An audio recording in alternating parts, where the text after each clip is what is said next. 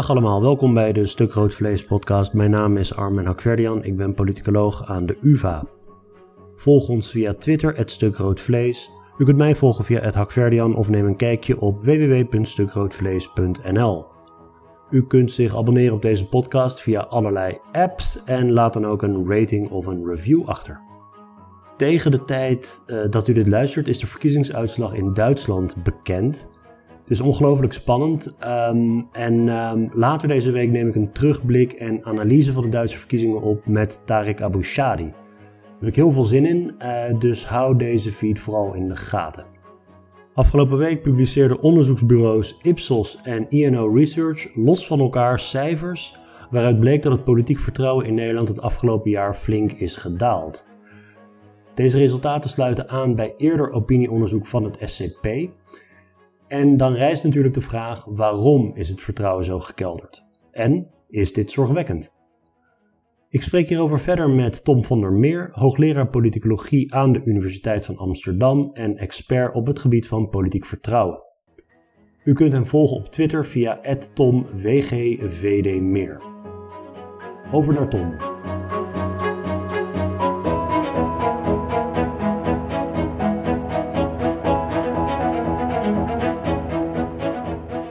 Goed, het is vrijdagmiddag. Ik zit hier met Tom van der Meer. Tom, welkom. Goedemiddag. Het is de afgelopen week heel veel gegaan over vertrouwen. Ik dacht, ik doe iets radicaals. Ik praat met iemand die daadwerkelijk vertrouwen onderzocht heeft. er zijn afgelopen week een aantal onderzoeken verschenen over politiek vertrouwen. Enquêteonderzoek. Wat laten die zien? Ja, er zijn uh, onderzoeken verschenen van uh, INO en uh, onderzoeken van Ipsos. En die laten eigenlijk allebei zien dat het vertrouwen in de regering, in het parlement, flink gedaald is. Ehm, vergeleken met vorig jaar. Um, en zelfs nog iets verder gedaald is dan, dan twee, niveau 2, drie jaar geleden was. Pre-corona. Pre-corona, inderdaad.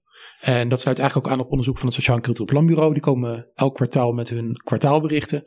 Uh, en die uh, laten eigenlijk ook al wat langere tijd zien dat er weer een langzamerhand een daling aan het plaatsvinden is.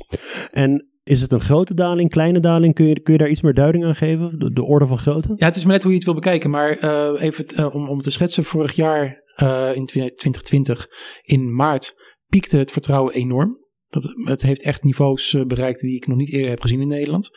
Dat vertrouwen in de regering dat, dat uh, steeg vooral heel fors.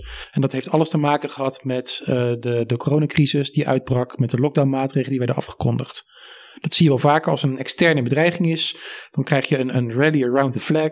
Dan gaan ja. mensen hun hoop plaatsen in de politieke autoriteiten. In dit geval in Nederland de regering, in de mindere mate het parlement. En dan stijgt het vertrouwen. Nou, die stijging, die dus heel scherp was vorig jaar, die is nu ook gewoon weer weg. En dat is niet onverwacht. We weten dat die rally-effecten gewoon afvlakken. Het is misschien nog eerder opvallend dat die in Nederland ruim een jaar heeft geduurd. Maar het is, het, het ja, uh, het is wel een flinke daling. Maar ook zulke dalingen hebben we vaker gezien. Ja, zit, zitten we nu uh, op, een, op, een, op een bodem of zitten we nu een beetje rond uh, wat je gemiddeld, gemiddeld genomen ziet? Is, is het, hoe, hoe diep is die vertrouwen? Is, is dat überhaupt te zeggen op basis van enquêteonderzoek? Uh, ja, op basis van enquêteonderzoek kan je, het, kan je het wel zeggen, maar dan moet je eigenlijk wat langere termijnen pakken. Ja. Want dat vertrouwen dat fluctueert nogal. En in de jaren voor de corona-uitbraak uh, zaten we op een wat hoger niveau van politiek vertrouwen. En dat me had mede ermee te maken dat we economische groei kenden in deze periode. Dus dat vertrouwen, dat, dat heeft heel veel verklaringen. Maar een van de verklaringen is of de economie het goed doet. En als de economie het goed doet, dan stijgt het vertrouwen ook een beetje. Dus ten opzichte van het eikpunt is het vertrouwen wat gedaald. Maar het vertrouwen was nog steeds relatief hoog. En ook vergeleken met andere landen is het vertrouwen hier relatief hoog. Dus ja. van zichzelf, die daling is niet onverwacht. Dat die daling iets verder gaat dan het niveau voor de crisis is misschien ook niet eens zo onverwacht. Maar daarmee is het nog niet heel erg laag. Nee. Die drie enquêteonderzoeken die laten dat alle drie zien. Dus het is, uh, ja, dat, dat sterkt je natuurlijk in je, ja, in je vertrouwen uh, in, in die cijfers. Het, het lijkt uh, overtuigend te zijn aangetoond. Er is een daling. Ten opzichte van vorig jaar, jaar daarvoor. Dan is de vraag waarom is die daling er? Het is natuurlijk niet een, een politiek jaar geweest zonder gebeurtenissen. We hebben in, in, in het voorjaar is de regering afgetreden vanwege een groot schandaal verkiezingen gehad. Een formatie die niet soepel loopt. Uh, nou, een paar, jaar, een paar, uh, paar weken geleden hebben we ook nog eens een keer Afghanistan eroverheen. Waardoor een zeer vooraanstaande minister demissionair het veld heeft moeten ruimen. het is nogal een jaar geweest, dus dat het politiek vertrouwen daalt. Je zou kunnen zeggen dat heeft te maken met al deze factoren die, die het afgelopen jaar hebben plaatsgevonden. Ja, nee, ja, zeker. Um, en dat is misschien ook een beetje het probleem. Er zijn te veel factoren voor elke individuele gebeurtenis om het te Ja. kunnen duiden. Maar er zijn twee manieren om deze vraag te beantwoorden. En de ene manier is dat je het aan mensen zelf vraagt. Van joh, waarom is het vertrouwen nu eh, lager? Of waarom heeft u dit niveau van vertrouwen? Dat zie je ook in de meeste van deze onderzoeken gebeuren. Eh, het SCP is daar vaak wat uitvoeriger in. Het Sociaal en Cultureel Planbureau. En die laat ook zien dat het eh, politieke gekonkel, de, nasleep, de vastgelopen formatie, maar ook de, de politieke fallout van die bestuurlijke problemen, dat dat een reden is waarom het vertrouwen lager zou zijn, volgens de motivaties van mensen. Nou moet je hier ook wel een beetje terughoudend in zijn, want voor een deel zijn het dus daadwerkelijk verklaringen van mensen zelf, maar voor een deel zijn het ook rationalisaties. Dus er zijn ook heel vaak mensen bij wie het vertrouwen toch al laag was, maar die gewoon naar een recente voorbeeld kunnen grijpen om aan te geven waarom ja, het vertrouwen zich ook niet zal herstellen. Ja.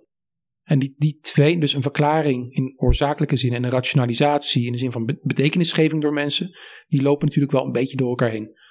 Nou, is een tweede manier om ernaar te kijken en dat is proberen meer verklarend onderzoek te doen. Het is bijna onmogelijk voor individuele eh, gebeurtenissen. Maar als je door de tijd heen kijkt, kan je wel kijken naar de timing van wanneer het vertrouwen begint te dalen. Daar is het SCP heel goed in, want die doen dus veel regelmatiger dit soort onderzoek.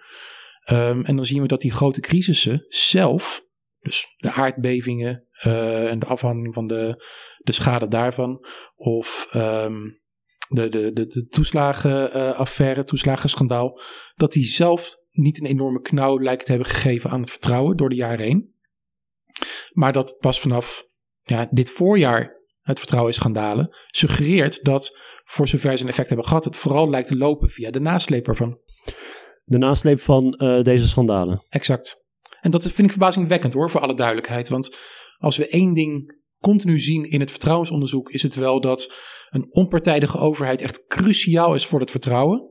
Dus een, een overheid waarvan de, de ambtenaren gewoon netjes hun werk doen, eh, de, de- hun best doen voor de burgers, niet corrupt zijn, niet uit eigen belang werken of vanuit politieke motivaties.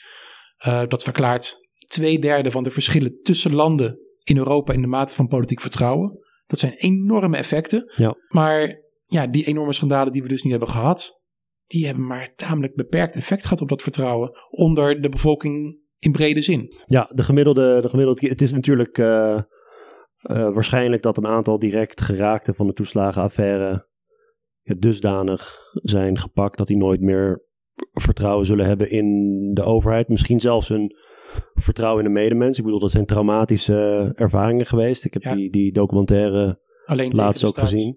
Ja, Ehm, dat, dat is echt, het het zou een must-see documentaire moeten zijn. ja, Ehm, ook voor iedereen die er maar zijdelings bij betrokken is geweest. Maar inderdaad, de, de, de, degene die dit ondergaan, dat daar het vertrouwen van weg is, dat lijkt namelijk evident. Maar de, de bevolking in zijn geheel lijkt toch opvallend genoeg minder geraakt te worden. In ieder geval op de korte termijn. Ja, en Rutte die heeft natuurlijk dat, eh, wat hem betreft, was dat de inzet van de verkiezingen. Van, ik ben eindverantwoordelijk, ik ga zelf niet opstappen, het is aan de kiezer om mij weg te sturen. Het feit dat hij er zit, ja, zou je kunnen zeggen, ja, hij heeft een beetje zijn gelijk gekregen. Ja, maar we zien het ook in de kiezersonderzoeken. Ja. Ehm, in de kiezersonderzoeken komt terug dat eh, de, de schandalen een heel beperkte invloed maar hebben gehad op het gedrag van mensen, op het kiesgedrag. Ja. Dus de, de kiezers noemen het nauwelijks als belangrijk thema van de verkiezingen. Eh, maar ook eh, zelfs degenen die het wel een belangrijk thema noemen, zeggen: Dit heeft mijn stemgedrag beïnvloed. Ja, dat waren vaak mensen die toch al op oppositiepartijen stemden. En van, van de coalitiepartijen was, of de voormalige coalitiepartijen, eh, was eh, de invloed nog steeds heel erg klein. Je zei net dat het vertrouwen eigenlijk eh, op record, tot recordhoogte was gestegen, politiek vertrouwen, ten tijde van het begin van de coronacrisis, externe bedreiging en ra- rally around the flag. En Rutte was populair, de regering was populair, instituties zijn populair. Nu is dat vertrouwen gedaald. Had het niet anders dan naar beneden kunnen gaan? Als je dat op die manier bekijkt. Dus zelfs als er geen toeslagenaffaire was geweest, als er geen eh, verkiezingen, formatie, perikelen waren geweest, dat het eigenlijk een soort, ja, we noemen dat in de statistiek regression to the mean, dat dat vertrouwen nergens anders heen kon dan te dalen. Ja, nee, dat, dat is zeker het geval. Eh, we weten dat zo'n rally-effect, die dooft, dat dooft uit. Dus de rally zelf is dat omhoog klimmen van het vertrouwen op een korte termijn. Dat, dat duurde maar een paar weken. En daarna gaat dat op een gegeven moment normaliseren. De, de politieke ruimte breekt weer open. Er komt ruimte voor alternatieve perspectieven. Andere thema's gaan weer een rol spelen. Dus dat, dat, eh, dat die piek zou wegvallen, dat was al bekend. De vraag was vooral hoe lang het ging duren. In sommige landen was die piek heel snel weg. Denk aan de Verenigde Staten van Trump. Ja. Daar, daar duurde het echt maar een paar weken voordat het vertrouwen weer op het oude niveau was. Van een laag niveau van vertrouwen overigens. Uh, maar in andere landen zien we dat het vertrouwen veel langer hoog is gebleven. En Nederland was een van de voorbeelden waar het vertrouwen relatief lang, relatief hoog bleef. Dus wat je de afgelopen week continu hoort, ook rondom duidingen van dezezelfde uh, onderzoeken waar wij het nu over hebben. Um, er worden eigenlijk twee dingen op één hoop gegooid. Namelijk, waarom is het vertrouwen hoog of laag bij sommige mensen? Of, of in Nederland ten opzichte van andere landen, maar vooral verschillende groepen in Nederland. En waarom is het vertrouwen gedaald? Dus aan de ene kant wil je verklaren wat het niveau van het vertrouwen is. Aan de andere kant wil je verklaren waarom vertrouwen verandert. En dat loopt continu door elkaar. Ja, dat is inderdaad echt een heel belangrijk onderscheid om te maken. Voor de, de korte termijn trend die we nu zien, dat het, het, vertrouwen het afgelopen jaar, of beter gezegd het afgelopen half jaar zo hard gedaald is, wordt er gezegd, ja dat komt omdat er bepaalde mensen zijn die heel hard geraakt worden door de verschillende crisissen. Um, dat is eerder een verklaring voor lange termijn verschillen. We weten inderdaad dat mensen die in een precaire positie zitten, die het slachtoffer zijn geweest van, van overheidsmisbruik, dat daaronder het vertrouwen lager is. De staatscommissie Remkes 1 over het parlementair stelsel heeft ook wel gehad over mensen die zich niet alleen minder goed vertegenwoordigd voelen, maar ook daadwerkelijk minder vertegenwoordigd worden door de politiek. Dat ook daar het vertrouwen in de politiek lager is. Maar dat is een structureel verschil. Dat is een lange termijn effect. En dat is iets om ons serieus zorgen over te maken. Maar dat is iets anders dan de verklaring waarom het vertrouwen op korte termijn zo piekt of daalt. Dat heeft vaker meer te maken met concrete handelen of concrete imago's van een overheid voor de bevolking in brede zin. En die piek die we vorig jaar zagen in het vertrouwen, kwam in eerste instantie vooral van radicaal rechtse kiezers. Of van kiezers die tamelijk cynisch waren over de politiek. Want op dat moment zagen zij opeens een politiek voor zich die zich inzette voor de bevolking. Want er was een totale overeenstemming tussen wat de burgers op dat moment wilden, daadkrachtig beleid om die crisis in te dammen, en wat politici deden. Dus die stijging was het, het sterkst onder die groep door het concrete handelen. En ja, die daling is dan weer de omkering van dat imago. En dit hebben we vaker gezien. We zagen eerder grote pieken bijvoorbeeld en dalen onder de kabinetten Balkenende. Om even een stuk terug te gaan. Even denken hoor. Wie was dat ook alweer? Ja, nou dan gaan we dus uh, een 18 jaar terug in de tijd. Dus we worden echt oud, want we moeten continu onze voorbeelden ook naar de studenten toe aanpassen. Ja. Uh, maar 18 jaar geleden um, was uh, de opkomst van Pim Fortuyn. Die werd vermoord elf dagen voor de verkiezingen. En vanaf dat moment ongeveer ging het vertrouwen ook omlaag. Wat achteraf bleek, pas een stukje later, was dat het niet zozeer dat, dat Fortuyn kwam op in een tijd dat het vertrouwen juist heel hoog was. Maar er was ook toen al een soort van, van wantrouwende groep burgers. En die werden gemobiliseerd door Pim Fortuyn. En eigenlijk pas vanaf daarna, vanaf later, vanaf het einde van kabinet Balkenende 1, die tamelijk snel viel, al in oktober van dat jaar. En daarna een enorm moeilijke formatie, ook toen, tussen het CDA en de PvdA op dat moment, die ook mislukte. Toen daalde het vertrouwen flink. En dat vertrouwen is onder Balkenende 2 die er kwam, CDA, VVD, D60, heel lang laag gebleven. Wat deed Balkenende toen? Want er kwam een nieuw kabinet, Balkenende 4. Dat was CDA, PvdA, ChristenUnie. Zijn vorige kabinet had te maken met een imago dat ze niet goed luisterden naar de bevolking, niet wisten wat er leefde. Wat deed Balkenende? Hij nam zijn nieuwe ploeg 100 dagen lang mee in een tour door het land. Dus een soort van ministers on tour. Elke dag gingen ze praten met, met ja, groepen burgers en verenigingen, het maatschappelijk middenveld. Um, en het was echt letterlijk een bustoer. En dat leidde ertoe dat dat vertrouwen in die politiek heel hard steeg. Want hey, eindelijk hadden we ministers die echt gingen luisteren naar de bevolking. Dus dat vertrouwen piekte. Maar vervolgens zakte het een paar maanden later meteen weer weg. Omdat bleek dat die regering geen handen en voeten kon geven aan, aan al, al die input. Omdat ze intern zo verdeeld waren. Dus dat kabinet kreeg een imago van niet daadkrachtig. Dat veranderde weer in oktober 2008. Want toen moesten we opeens ABN AMRO overnemen. En dat, dat deden Balkenende en Bos. Het vertrouwen dat, dat steeg weer naar enorme hoogte. Om vervolgens een paar maanden later weer weg te zakken. omdat de regering anderszins eigenlijk niet tot daadkrachtig beleid kon komen tegen de economische recessie die was uitgebroken. Dus je ziet heel sterk dat het vertrouwen kan pieken en dalen aan de hand van imago's die, die uh, um, regeringen al dan niet bewust uitventen. Rutte 1 was ook zo'n voorbeeld. Die ging de eerste weken van het kabinet, kwamen ze elke werkdag met een nieuw beleidsvoorstel, een nieuw wetsvoorstel. Dat zetten ze gewoon in de markt en het leverde het imago op van daadkracht.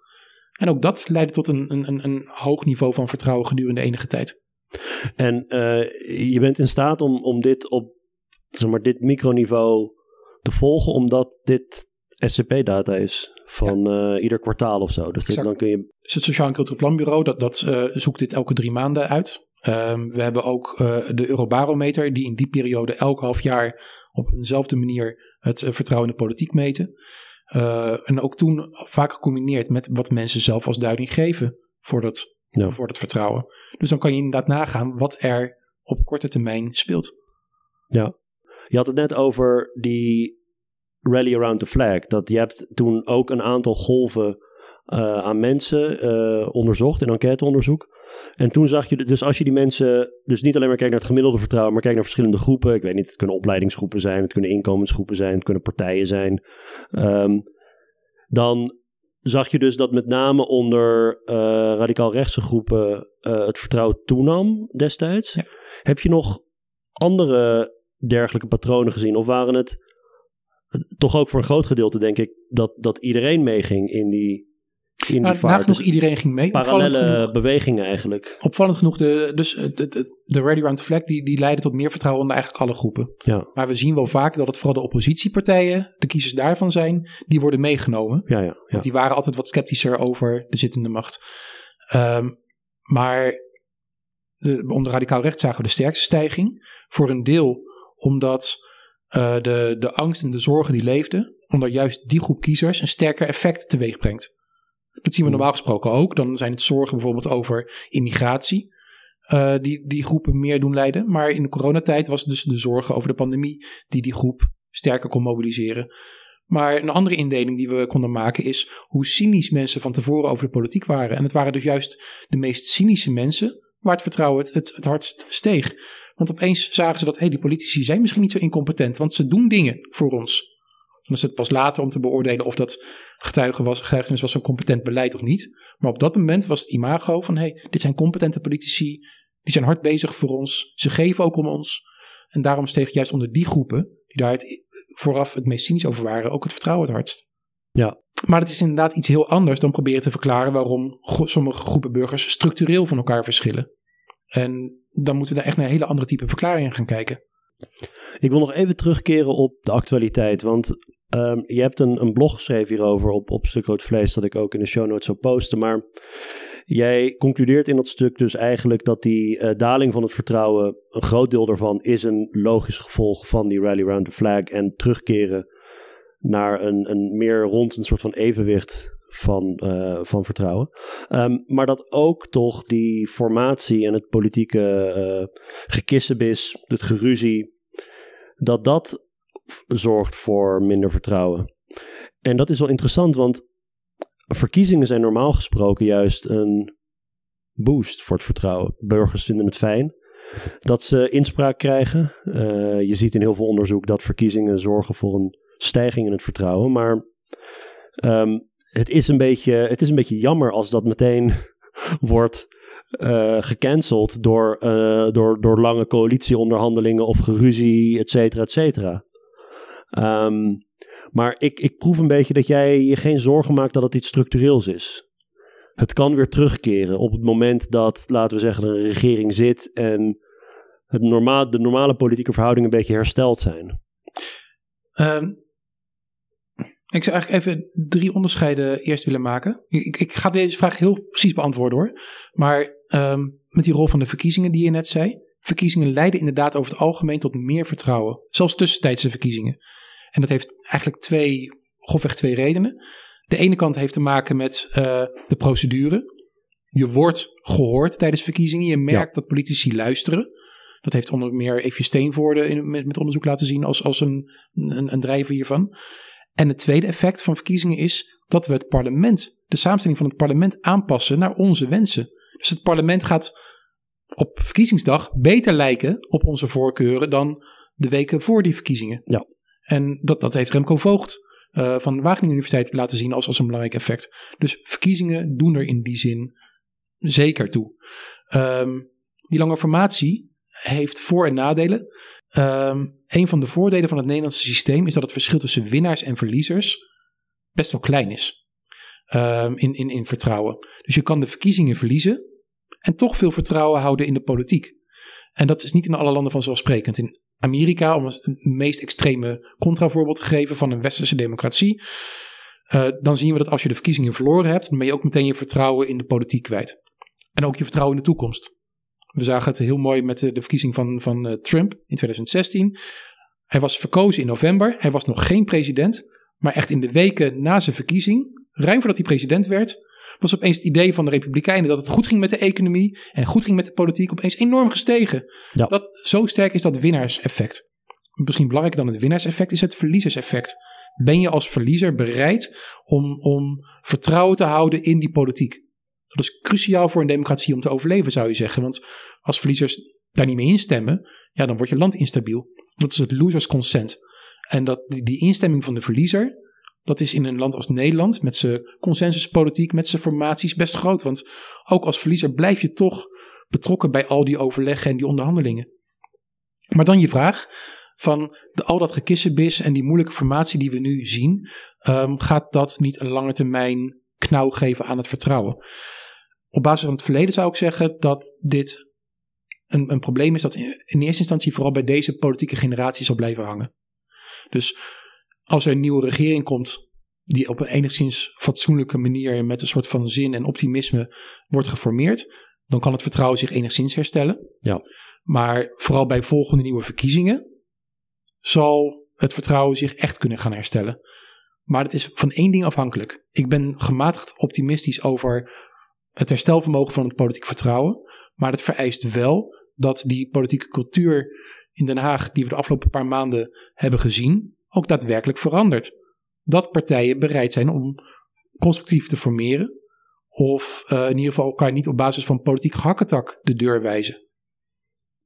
Als ik ook nog één tussenstap mag maken. Uh, je hebt natuurlijk verkiezingen, goed voor het vertrouwen, redenen die je hebt genoemd. Uh, na verkiezingen heb je wel de machtsvorming. En daar staat de kiezer natuurlijk buitenspel. En dan is het des te misschien schrijnender om te zien wat een zooitje ervan gemaakt wordt. Als je ook nog eens een keer als kiezer er niks aan kan doen. Dat geeft je een soort van machteloosheid. Ik denk dat dat misschien ook een rol speelt.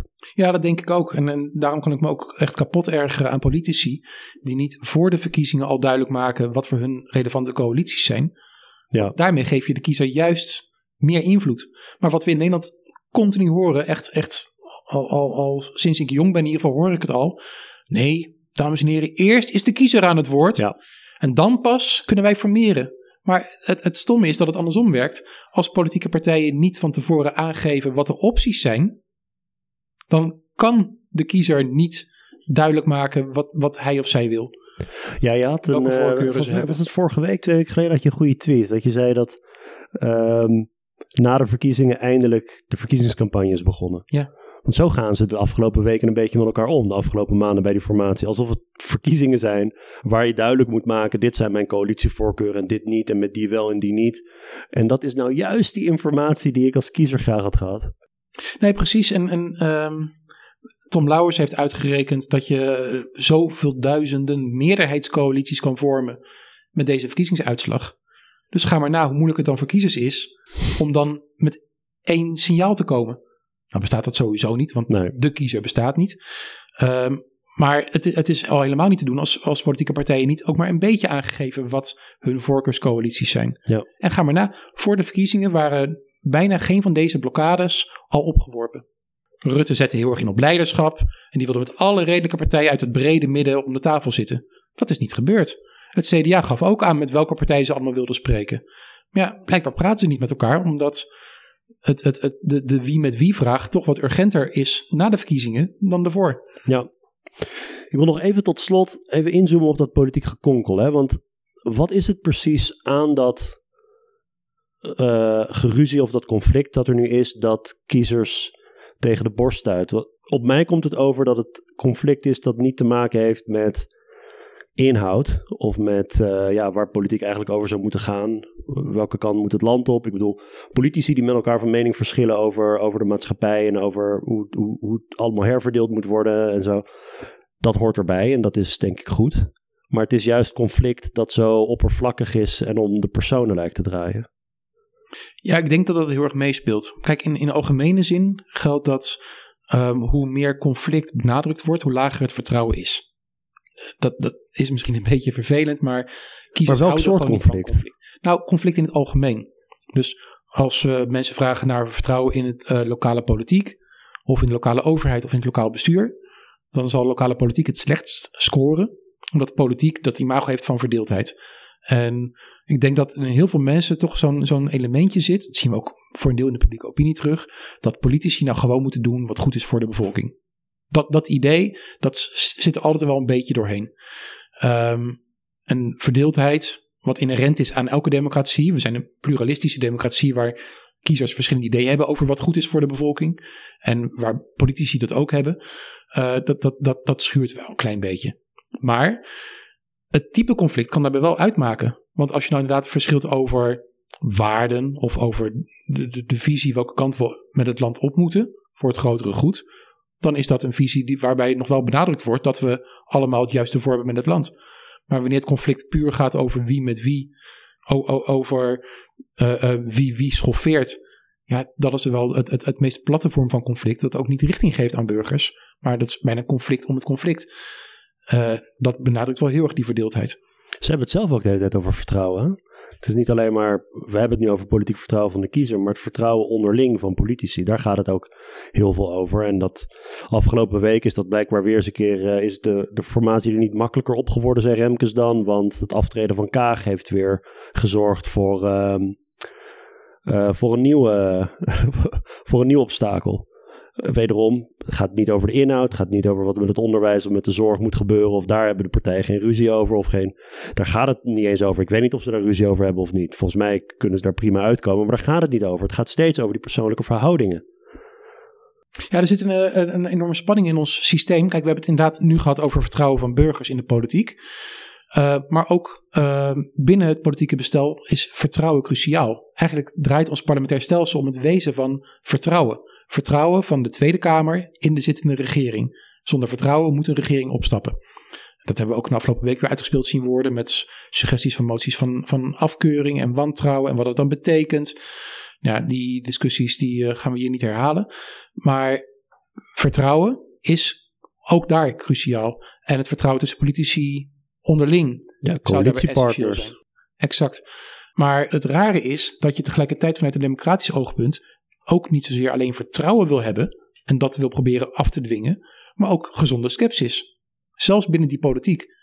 Als je vertrouwen wil afdwingen, dan kan je bijvoorbeeld denken: oké, we gaan continu overleggen. We doen een meerderheidscoalitie. We maken een gedetailleerd regeerakkoord. Want op die manier creëer je vertrouwen bij elkaar. Dwing je dat in zekere zin af. Dat je elkaar kan vertrouwen. Want je wordt heel voorspelbaar naar elkaar toe. Maar vanuit democratisch oogpunt is dat een beetje ja, uh, uh, dodelijk. Want als, als je als partij niet sceptisch tegenover, tegenover, van de, tegenover de regering kan staan, dan is er bijna geen verantwoordingsproces meer mogelijk. Dan is er bijna geen ruimte voor nieuwe ideeën, voor je eigen visie. Dus dat is een spanningsveld waar politici ook mee te maken hebben. En het gekke is dat ze dat nu heel erg lijken uit te venten in hoeveel partijen mogen meedoen in de coalitieonderhandelingen en welke partijen dan. En niet zozeer op de inhoud. Maar volgens mij is dit ook het gevolg van, van een uh, formatiecultuur die de laatste 40, 50 jaar uh, is ontwikkeld. En waarvan we nu zien dat de grenzen echt wel bereikt zijn. Dat is een formatiecultuur waarbij van tevoren een gedetailleerd regeerakkoord wordt gesloten. Waar de partijen in de Tweede Kamer zich stevig aan moeten houden. Waarbij het uh, steeds vaker voorkomt dat die coalities dwars door het midden heen moeten worden gesloten. Dus dat centrumrechtse partijen samen met centrumlinkse partijen samen moeten gaan regeren. Dat steeds vaker voorkomt dat er partijen samen moeten gaan regeren die niet echt heel erg op elkaar lijken. Een PvdA en een VVD tijdens een economische crisis. Of ChristenUnie en D66. Of ChristenUnie en D66 samen met de VVD op, op, op, op uh, andere thema's. Maar dat maakt het voor die partijen in die regering heel moeilijk om hun eigen profiel te bewaken. Hmm, ja. Nou, door die versplintering en door veranderlijke kiezers zitten we nu een beetje aan het einde van het systeem. Dus hoe gaan we op een andere manier die vertrouwensrelaties binnen de politiek, binnen die verhouding van regering en parlement vormgeven? Er liggen alternatieve voorstellen, zoals minderheidscoalities, blokvorming, flankenkabinetten, regeerakkoorden op hoofdlijnen. Maar dat vraagt een andere manier van, van vertrouwensrelaties binnen die politiek dan dat we nu gewend zijn. En omdat de politieke partijen die waarschuwingen niet tien jaar geleden ter hand hebben genomen, of acht jaar geleden, of zelfs vier jaar geleden, hebben ze het zover laten komen dat nu, nu de nood toch wel heel erg hoog is geworden, zonder die druk naar nieuwe verhoudingen moeten zoeken. Ja, we moeten de verleiding verstaan om uh, te veel over de formatie te gaan praten, want uh, we gaan een bonusaflevering van stemmen opnemen, kan ik hier ook verklappen. En we moeten, we moeten wel een klein beetje het, uh, nog wat voor, uh, voor die aflevering laten. Nee, Tom, um, heel erg bedankt voor je tijd. Graag gedaan. Mocht je op een heel andere manier willen terugblikken op de algemene beschouwingen. Um, Kijk dan even naar de podcast over taal gesproken. Dat is een samenwerking van het Instituut van uh, Nederlandse Taal en uh, Genootschap Onze Taal. Daar gaat het over het taalgebruik. Uh, bij de afgelopen algemene beschouwing. Dat is altijd heel, heel interessant. Goed, heel erg bedankt voor, voor het luisteren en tot de volgende keer.